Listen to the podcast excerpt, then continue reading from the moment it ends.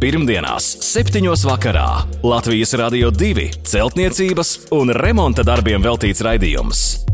No pamatiem līdz jumtam. Ar padomiem un atbildēm uz klausītāju jautājumiem Latvijas Rādio 2 studijā - tehnisko zinātņu doktors, būveksperts Juris Biršs. Sveicināti! Kā jau ierasts šajā laikā, nākamo pusstundu celsim, būvēsim un arī remontēsim. Studijā Inese un būveksperts, tehnisko zinātņu doktors Juris Biršs atbildēs uz jūsu iesūtītiem jautājumiem un sniegs arī padomus. Labvakar, Biršs kungs! Labvakar! Sāksim darbu tā ar Rolanda vēstuli un arī atsūtītajiem fotoattēliem. Kā vislabāk veikt koka logu montāžu ķieģeļu mūrēkā, jautā Rolands. Ar ko un kā būtu jāizpilda logu vietas? Koka logu sēdināt uz ķieģeļa vai arī savādāk, vai no ārpuses un iekšpuses pa logu perimetru ir nepieciešams ieklāt logu lentas un kur stiprināt lentes fasādes pusē un arī iekšpusē, ja tās vispār ir nepieciešams. Pievienoti attēli, un mēs redzam, kā visi šie logi un māja izskatās. Izskatās, ka darba daudz un arī jautājumu ir daudz. Sāksim ar visu pēc kārtas. Jā, nu, tas ir diezgan populārs jautājums un, un visiem diezgan aktuāls. Un vispirms atbildēsim uz, uz, uz Rolanda jautājumiem, un pēc tam es mazliet gribu pateikt uh, lietu, ko es tur redzu, kuram nu, faktam man tāds, manā skatījumā tas lokus mazliet nav pareizi ievietots. Bet par to parunāsim mm, mazliet vēlāk. Labi. Bet, tātad sākam atbildēt uz jautājumiem. Uz šajā gadījumā koka logu vienalga, kur mēs liekam, tas ir pilnīgi manā skatījumā. Tas, ja mums būtu metāla rāmis un mēs liktu metāla sagatavojumu iekšā, tad būtu kaut kas atšķirīgs. Bet šajā gadījumā ir ķieģeļu uh, siena, tātad arī aila. Ir apmesta ķieģeļu aila, un mēs esam savā, tātad, izgatavojuši gatavu pakešu logu. Tāpat tas kā jebkurā gadījumā, pakešu logs ir mazāks par 2,5-3 cm nekā aila. Un tātad mēs viņu stiprinām, lai būtu vienāda atstarpība gar visām, gan augšu, gan apakšu, gan sāniem. Mēs stiprinām viņu ar skrūvēm, mēs stiprinām viņu ar, ar, um, ar teiksim, ķīlīšu palīdzību. Nu, kā kuram ir tas uh, ērtāk un vieglāk izdarāms, mēs viņu dabūjām uh, mehāniski iestiprinām. Pēc tam mums parādās šī gaisa sprauga, 2,5-3 cm platumā, pa visu perimetru. Šo spraugu es iesaku no savas puses nepildīt ar aizpūš ar putu materiālu, jo putu materiāls būs jānomaina pēc pusotra, diviem gadiem. Viņš vienkārši veiks, atļaus caur gaisam, sakot, caurvējot caur logu, un viņš neno, nebūs pastāvīgs materiāls. Tāpēc, lai tas būtu uz visiem mūžiem, kā tā varētu teikt, uz visu mājas pastāvēšanas laiku, tad mēs viņu pildām Tas ir drīvējam šo spraugu ar kaņepāju vai līnu pakulām. Vai no kaņepāju pakulām vai līnu pakulām. Tā kā ar sausām pakulām ir ļoti grūti mums blietēt, mēs viņus samērcinām. Samērcējam ar kaļķūdeni, Nu, tas nozīmē, ka ūdenī iš, sajaucam ar kaļķi, tā lai būtu tāds kā piens, ja, piena piena konsistenci. Un tad mēs varam viņu samitrinot šīs pakos, varam smuki no ārpuses, no iekšpuses noblietēt.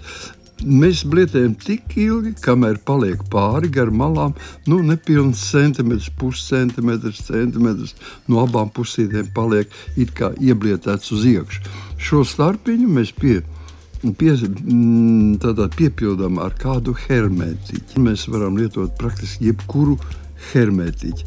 Uz šī hermetiķa mēs līmējam virsū Jā, tiešām šīs logu lentes, gan ārpusē ārā lente, iekšpusē iekšas lente. Un viss mums tālāk mēs noklājam ar, ar koka klaidēm, vai mēs siltinām, vai mēs uh, apmetam. Nu, tas ir subjektīva lieta. Tas būtu, tā būtu atbilde uz Rolandu. Bet man ir vēl viens aizrādījums, un aizrādījums ir sekojošs. Es skatos, kā bildē redzams, ka lokus ir izbīdīts līdz pašai ārējai malai. Un, un tas paliek, nav pareizi. Nu, tas ir pareizi, skatoties no apgaismas viedokļa. Ja? Mēs cenšamies dabūt vis, vislielāko gaismas plūsmu, vis, jo mēs tālāk uz ārā izbīdīsimies, jo vairāk mēs gaismas dabūsim. Šajā ziņā tas ir pareizi. Bet no otras puses, tagad pievēršat uzmanību mūsu iestiprinātais lokus un tagad koka rāmis Tātad ir ar savām mm, siltumizolācijas īpašībām, un viņam ir garantija jau, ka viņš iztur visu to, kas mums nepieciešams, normatīvos datus. Bet š, tagad paskatieties, tur, kur beidzās rāmis, tur paliek ķieģeļu. Mūris paliek, mūris un ķieģeļi. Un, ja mēs 45 grādā no iekšējās iestiprinātās koka malas liekam uz āru 45 grādi, mums ir diezgan maziņš attālums, tāds, tāds slīpums, mēs it kā atšķiļam to kantenos. Un vai tas ir pietiekami? Tas nav no siltumizolācijas materiāla, tas ir no mūra. Un tāpēc ļoti iespējams, ka var caursalt šajā vietā. Un tad iznāks ļoti interesanti. Tad iznāks, ka augstums aiziet garām logam un logi esat ielikuši iekšā, bet nekāda viņš strādā pēc labākās sirdsapziņas, bet augstums mūs apiet un parādās iekšpusē. Teiksim, tur 20 centimetri iekšpusē no logu uz istabas puses parādās augstums. Nu, lai tas nebūtu, mums ir jārēķina. Tātad, ja mēs varam atļauties uz mazliet uz iekšā, mm, pabīdīt to logu atpakaļ, tad mēs palielinām to mm, ķieģeju sienas biezumu, to, to trīsstūrīti, ko mēs varam, varam, pie, varam novērot. Ja? Un, ja mēs to nevaram izdarīt, pieņemsim, ka nevar, kad viņš ir ielicis Rolands iekšā un tur neko mainīt nevar, tad mēs iekšpusē, šo, šajā, kas ir redzams, tā milzīgajā ailes daļā uz telpas pusi, no iekšpuses dabūsim vertikāli likt vēl siltumizolācijas materiālu. Papildus siltināt. Jā, nu, cits iespējas nav. Jā. Jā, paldies, Biržs kungs, par atbildi Rolandam. Vēlos sākt soli pa solim atjaunot ģimenes lauku māju, mums raksta Ārtis. Bet ir ļoti daudz jautājumu. Simtgadīga vertikālu guļbaļķu ēka. Un Artis ir pievienojis arī vairākus fototēlus, un mēs redzam šo māju. Un pirmais jautājums ir par sienām iekštelpas ar apmetumu, un tas ir klāts uz koka skaliņu sieta. Plānoju pilnībā veco apmetumu noņemt, Problēma ir tāda, ka ziemeļa pusē karkas ir sapūs, vietām ir lielas spraugas. Vai ēku varētu atjaunot ar jauniem guļbaļķiem, vai arī ir iespējams izmantot, nu, piemēram, palielinātus keramikas ķieģeļu blokus, lai pārmūrētu bojātās vietas. Ko jūs ieteiktu Artim? Guļbaļķus, blokus. Jā, nu, gan to, gan to. Bet uh, varbūt tas mazliet ievadīsim nosaukumos, cik es saprotu. Tā, tā nav guļbaļķu ēka, bet tā ir, eh, kā pats uh, Artis saka, vertikāla guļbaļķa. Nu, vertikāla guļbaļķa neiet kopā. Tas izteicams, tā ir vienkārši baļķu no baļķiem veidota stāvbūve. Jā. Jo baļķis ir vertikāli, vertikāli. Es saprotu, ka tā viņš ir, ir vertikāli. Un tāpēc mēs nesauksim par vertikālu guļbaļu, bet vienkārši tā ir baļķu stāvbūve. Ja? Vertikāli nolikti baļķi viens pie otra. Mhm. Tas pats vien, tas pats vien sanāk. Ja? Nu jā, un, un laika zops ir darījis jā, savu simtgadīgu nu, ēku. Bez šaubām. Tā kā droši Artis var atsevišķi katrā vietā, novērtēt to bojājumu daļu. Viņš var to izzāģēt, izkaut, izgriezt un aizpildīta ar koka, ar antiseptizētu koka materiālu, vai, ja ir ļoti lieli klājumi, tad sienas daļa viņš var viņu arī aizlikt, mm, aizpildīt ar sīkblokiem, ar keratērmu, nu tikai ne ar gāzbetonu, ar ķieģeļiem, ar, ar fiba blokiem viņš var aizpildīt šo lietu. Un, ar, protams, radās viens noteikums gan no ārpuses, gan no iekšpuses. Mums būs jāapdara, apdara, ja? jāveic īpaša apdara. Mm -hmm. Jā, bet teiksim, ja šī māja būtu jūsu māja, ko jūs darītu? Vai blokus izmantot, vai tomēr ar koku aizpildīt? Nu, kas, kas būtu nu, redziet, labāk mūsu klimatam un mūsu apstākļiem? Visa tā daļa, kas atrodas tuvināta pie pamatiem, ir pamats veidot kā, ja, kā mūrējumi no blokiem.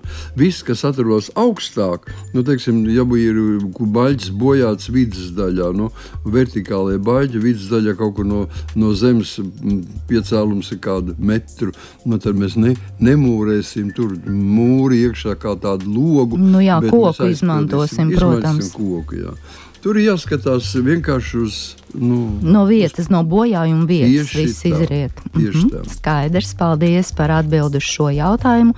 Un vēl viens jautājums ir Artim arī par grīdām. Koka dēļu grīdas ziemeļpusē ir sapuvušas, zem tām ir tikai zeme, smilts plānoja norakt lielu kārtu un veidot jaunu grīdas pīrāgu, lai nobeigumā tiktu iestrādātas betona, siltās grīdas un iespējams vēl beigu galā uzlikts skaists parkets. Kāds būtu vēlamais grīdas pīrāgs līdz siltajām grīdām? Tā izskaitā arī siltinājums, jautā Artis, vai ir kāds dabai draudzīgāks materiāls par putu polistirolu, kuru var izmantot grīdas siltināšanā. Un vēl jautājums, cik biezam būtu jābūt grīdas pīrāgam? Nu, lūk, par grīdām. Jā, nu, varbūt tas mazliet nedaudz mums trūkst tās informācijas, lai visu atbildētu tieši precīzi. Jo tur viņš atkarīgs no visiem, sevišķi, ja mēs prasām biezumus. Ja, mums atkarīgs ko mēs gribam, kāds būs uh, grīdas, tas ap, apsildāmās grīdas, uh, darba šķidruma temperatūra un tā tālāk. Un tā tālāk. Bet varbūt tas pamēģināsim tikt skaidrībā. Pirmkārt, uh, es tomēr gribētu, lai jūs taisiet no ekstrudēta putu polistīrola šo siltinājumu materiālu. Tā ir vienīgā vieta, kur es tiešām atzīstu šī materiāla priekšrocības. Jo šajā gadījumā šis materiāls tiek nu, sakot, iestrādāts iekšā starp citiem materiāliem, tātad starp betonu un starp, nu, starp dažādiem betonu slāņiem vai teiksim, pildvielām. Viņš atrodas konstantos, normālos apstākļos, vie pie vienāda, aptuveni vienāda mitruma un pie apmēram nu, diezgan nelielās uh, diapazonā uh, temperatūras robežās. Līdz ar to viņš ir ideālā vietā, lai varētu strādāt. Cita lieta, ka nevajag nekad viņu pārspīlēt. Es ieteiktu ekstrudēta putu polistirola siltinājumu apsildāmām grīdām 50 mm un ne vairāk. Nu, ja šausmīgi gribās un neticās, ka uh, var iztikt ar 50, jo tā būs apsildāma grīda, tad galu galā jau sildīšanas jūs ne, nevis balstīsieties uz, uz siltumizolācijas pretestību, bet gan uz apsildes uh, temperatūru, kāda jums būs. Nu, ja teiksim, jums būs augšā, nu, jā, šai gadījumā ir, ir parkets domās. Tas nozīmē, ka, ka šī temperatūra nedrīkstēs pārsniegt 25, 26, maksimums 27 grādus. Tas ir ļoti, ir ļoti zema temperatūra, ar roku praktiski nejūtama. Cilvēka temperatūra 36,6. Tātad 26 grādi mēs praktiski tikpat sakām, neko nejūtam, ka it kā sildīt, bet ar to ir pietiekoši, lai uzsildītu šo grīdu, viņa sildītu visu savu virsmu, gaisa iesiltu, un mēs labi justos. Un grīda paliktu vesela. Nevar karsēt parketu. Ja? Tas nav iespējams. Mm -hmm. Un tātad. E, kur mēs palikām iekšā? Tagad mums ir jāsāk ar grīdas pīrāgu. Jā, jā tagad mēs ar grīdas pīrāgu. Tātad pirmkārt, e, nu, Artis saka, zeme. Zeme mēs nekad nesakām. Mēs sakām, ir grunts. Ja ir zeme, tad zem zemes būvnieks saprot melnzemi, zemi, ko liek dārzā. Nu, tā nevar palikt. Melnzeme visa ir jānorok. Nekādas, jo melnzeme satur organiku, un šie gadījumā pūstoša organika. Tāda nevar būt tur. Tā kā mēs noņemam šo melnzemes kārtu un palikusī daļa sauksies kā grunts. Viņai varētu būt smilšu, smilšaina grunts, viņa varētu būt māla grunts, viņa varētu zvirgzdi, viņa varētu būt nu, klinšaina un tā tālāk. Dažne dažādi. Mēs viņu atstājam tādu, kāda viņa ir. Tātad tur, kur mēs beidzam iznorakt virsējo kārtu, mēs liekam virsū šķembas vismaz 10 centimetri. Tātad jāsāk domāt, vai mums diezgan stingri jāparok. Ja? 10 centimetri noblīvētas šķembas, tīras šķembas, kas nesatur daudz smalkni. Un uz viņa mēs klājām virsū mm, tvaika izolāciju. Uz tvaika izolācijas mēs liekam virsū mm, siltumizolācijas materiālu. Siltumizolācijas materiālu un uz siltumizolācijas materiāla mēs veidojam savu silto grīdu. Varētu būt vēl ja vienīgais, ja teiksim, tiešām ir ļoti vāja tā pamatne, smilšaina pamatne, tad mēs pēc tvaika izolācijas izliekam vēl sagatavas betona kārtiņu, kādas 3-4 cm biezs, un tad uz viņas liekam virsū tikai siltumizolācijas materiālu.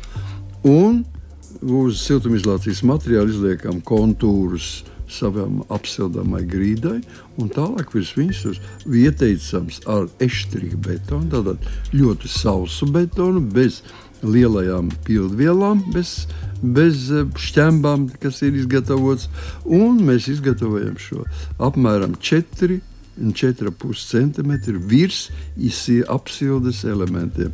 Tātad virs caurulītēm, pa kurām ies silts ūdens. Un, un kad klājums nāk? Nu, tad, kad, kad mēs esam izveidojuši šādu grīdu, uz šīs grīdas mēs ieteiktu uzklāt virsū vēl tādu šķidro membrānu, jeb mēs sakām, hidroizolācija ļoti plānā, plānā kārtiņā. Un uz viņas mēs varam likt virsū jau savu segmateriālu. Teiksim, mēs liekam virsū. Mm, Šajā par... gadījumā parkets. Nu, jā, būs vēl pret uh, parketu. Šajā gadījumā jā, jāliek ļoti uzmanīgi, jo mēs uz tīras betonu un uz hidroizolāciju neliekam parketu. Mēs liksim viņu vēl uz skaņas izolācijas, amortizējušā klājuma. Nu, var sakot, bet jebkurā gadījumā, jebkurā gadījumā mums jāuzmanās ir ziemā būs apsilde un parkets 26 grādos nebojāsies, un viss būs kārtībā. Nekāda mitruma nebūs. Vasarā var parādīties no betona puses mitrums. Tāpēc mums ir tā hidroizolācija plānā uzlikt, lai mēs varētu droši strādāt. Jā, parkets pasargāts. Tieši tā. Jā, paldies par atbildi. Pirmdienās, 7. vakarā Latvijas Rādio 2 celtniecības un remonta darbiem veltīts raidījums. No pamatiem līdz jumtam. Ar padomiem un atbildēm uz klausītāju jautājumiem Latvijas Rādio 2 studijā - tehnisko zinātņu doktors, būveksperts Juris Biršs. Turpinām ar jautājumiem par griestu konstruktīvo risinājumu. Vai esošā situācijā ir pareizi sastādīts griestu izbūves mezgls gaiteņu zonā? Pārsegums ir starp pirmo un otro stāvu, un ir pievienots arī zīmējums. Un lūdzu, Pirškungs, jūsu komentāru, kāds šis zīmējums izskatās un ko Rolands, šī jautājuma autors, ir iecerējis. Nu, sāksim ar šo jautājumu tieši ar šo pirmo, kas ir uh, pārsegums starp pirmo un otro stāvu. Vēlreiz uzsveru starp pirmo un otro stāvu. Jā. Mēs pieņemam, ka tiks apdzīvots gan pirmais, gan otrais, gan otrais stāvs. Jā. Tas nozīmē, ka uh, praktiski nu, tās zīmējums, ko ir atsūtījis Rolands, viņš vairāk atbilst teiksim, otrā stāva pārsegumam, kas ir starp bēniņiem un otro stāvu. Jo viņš ir ieklājis iekšā tvaika izolāciju. Es negribētu ticēt, ka, mēs, ka Rolands grib atdalīties pilnībā ar siltumu, nedalīties no pirmā un otrā stāva. Tā gal galā šī ēka taču piederēs viņam. Ja? Nu, kāpēc mums pirmajā stāvā skopoties ar siltumu, kas celsies uz augšu, uz otro stāvu. Tāpēc tā tvaika izolācija tur galīgi nav vajadzīga. Nu, ja viņa, šāda konstrukcija var pastāvēt, šī gaisa sprauga tur var palikt, jo tas ir tā ir. Viņš izpildīs it kā melnos griestus. Arī ja būtu, būtu šī konstrukcija uz otras stāvā pārseguma, arī tad viņi varētu taisīt bez tvaika izolācijas. Tur jau šī sprauga kurā varētu mitrums iesūkties kokā, ir pietiekoši liela. Mani uztrauc tālāk. Virs dēļu klāja ir kaut kāda latu sistēma. Va, tur var parādīties teiksim, gaisa sprauga, kas starp platām. Viņa nedrīkst būt. Mums jābūt pilnībā viņai aizklātai ar siltumizolācijas materiālu. Toties augšpusē pirms grīdas būtu derīgi vismaz 2 cm mazāk. Tad mēs, mēs varētu teikt, tā, ka mēs ne vati, ko piepildām. Nu, teiksim, augš, augšējā otrā stāva grīdai, ko mēs pildām, mēs viņu neblietējam, mēs viņu uzliekam tikai piepildām pilnu, viņa nosēdīsies jau gada laikā, nedaudz nosēdīsies, divu gadu laikā tie divi centimetri tiks Mm, pusotra, divi centimetri tiks sasniegti. Tas ir vajadzīgs, lai varētu elpināt, nu, ventilēt šo grīdu. Jo grīda pie uh, sienas, kur teiksim, nu, pa vidu šīm grīdas sijām, tātad pie sienas pie, tie ir savienota ar telpu caur grīdas līsti, kurai jābūt elpojošai. Un tāpēc viņai vajadzētu atstāt, lai veidojas mums gaisa kustība no pagrīdes uz istabu, atpakaļ iekšā pagrīdē, un tas bija noteikti tāds, tāda kustība riņķiem. Mm -hmm, lai māja praktiski elpotu. Tieši tā. Jā. Paldies par atbildi, un vēl mums ir jāatbild uz Aijas iesūtīto jautājumu. 1950. gadā būvēta koka māja, apmūrēta ar baltajiem ķieģeļiem, ķieģeļi ir likti uz kanti, un Aija vēlas māju siltināt. Ar kādu materiālu labāk siltināt, tā lai māja elpotu, vai ķieģeļi ir jānoņem, vai arī varētu siltināt un likt siltinājumu uz ķieģeļiem, pa virsmu ķieģeļiem. Jā, nu šeit ir steidzami jādod atbilde, jo Aija izdarīs Eh, teiksim, dara, mēģina pašreiz darīt kaut ko nepareizu. Tātad atceramies, ka mums ir Latvijas būvnormatīvs. Nu, ne, neskaidrosim tagad fizikāli, kāda viņam ir nozīme, bet jebkurā gadījumā vienkāršotā izteiksme tas nozīmē tā, ja mums ir kaut kāda sienas konstrukcija, kura atdala iekšā telpu no ārā, tad šajā sienā nedrīkst būt Latvijas klimatiskos apstākļos. Nedrīkst būt nekādi tukšumi, nekādas gaisa spraugas.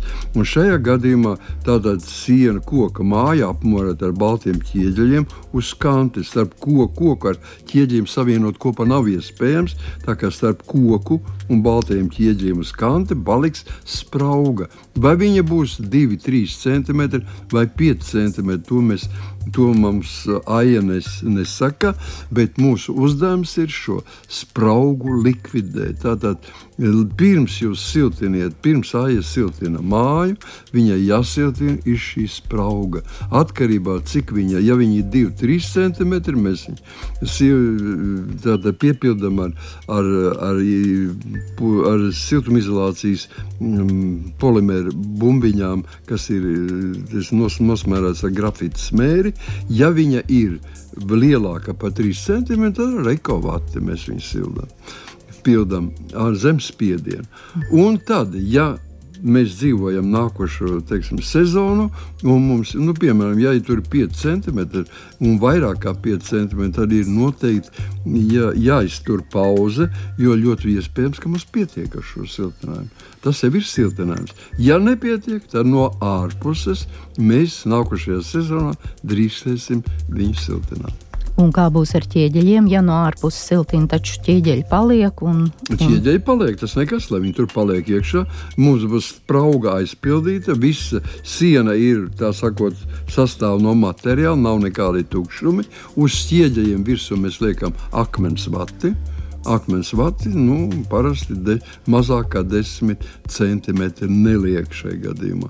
Un uz viņu mēs varam vai nu apšūt ar kādu plākšņa veidu, vai koku, vai plasmas, vai metāla eh, plāksnēm, vai arī mēs veidojam eh, tādu stiegrojušo sietiņu un uznesam virsmu apmetumu, elpojošu apmetumu. Jā, jo AIA uzsver tieši to, lai māja būtu silta un arī elpotu. Jā, noteikti. Šajā gadījumā viņa būs pareizi izveidota elpojoša māja. Jā, bet vispirms jātiek galā ar šo spraugu. Jā, tas, tas ir pirmais darbs. Tas ir likums. Savādāk, ja negrib to darīt, un ja to negrib darīt, nu, vienkārši atsakās to darīt, tad mēs varam siltināt tikai no telpas puses. Un tad mēs nevaram siltināt ar akmens vai tas ir minerālu vatēm. Mēs varam siltināt tikai uz koka bāzes, siltumizolācijas materiālu, koku vate, līnu vate, eko vate un tā tālāk.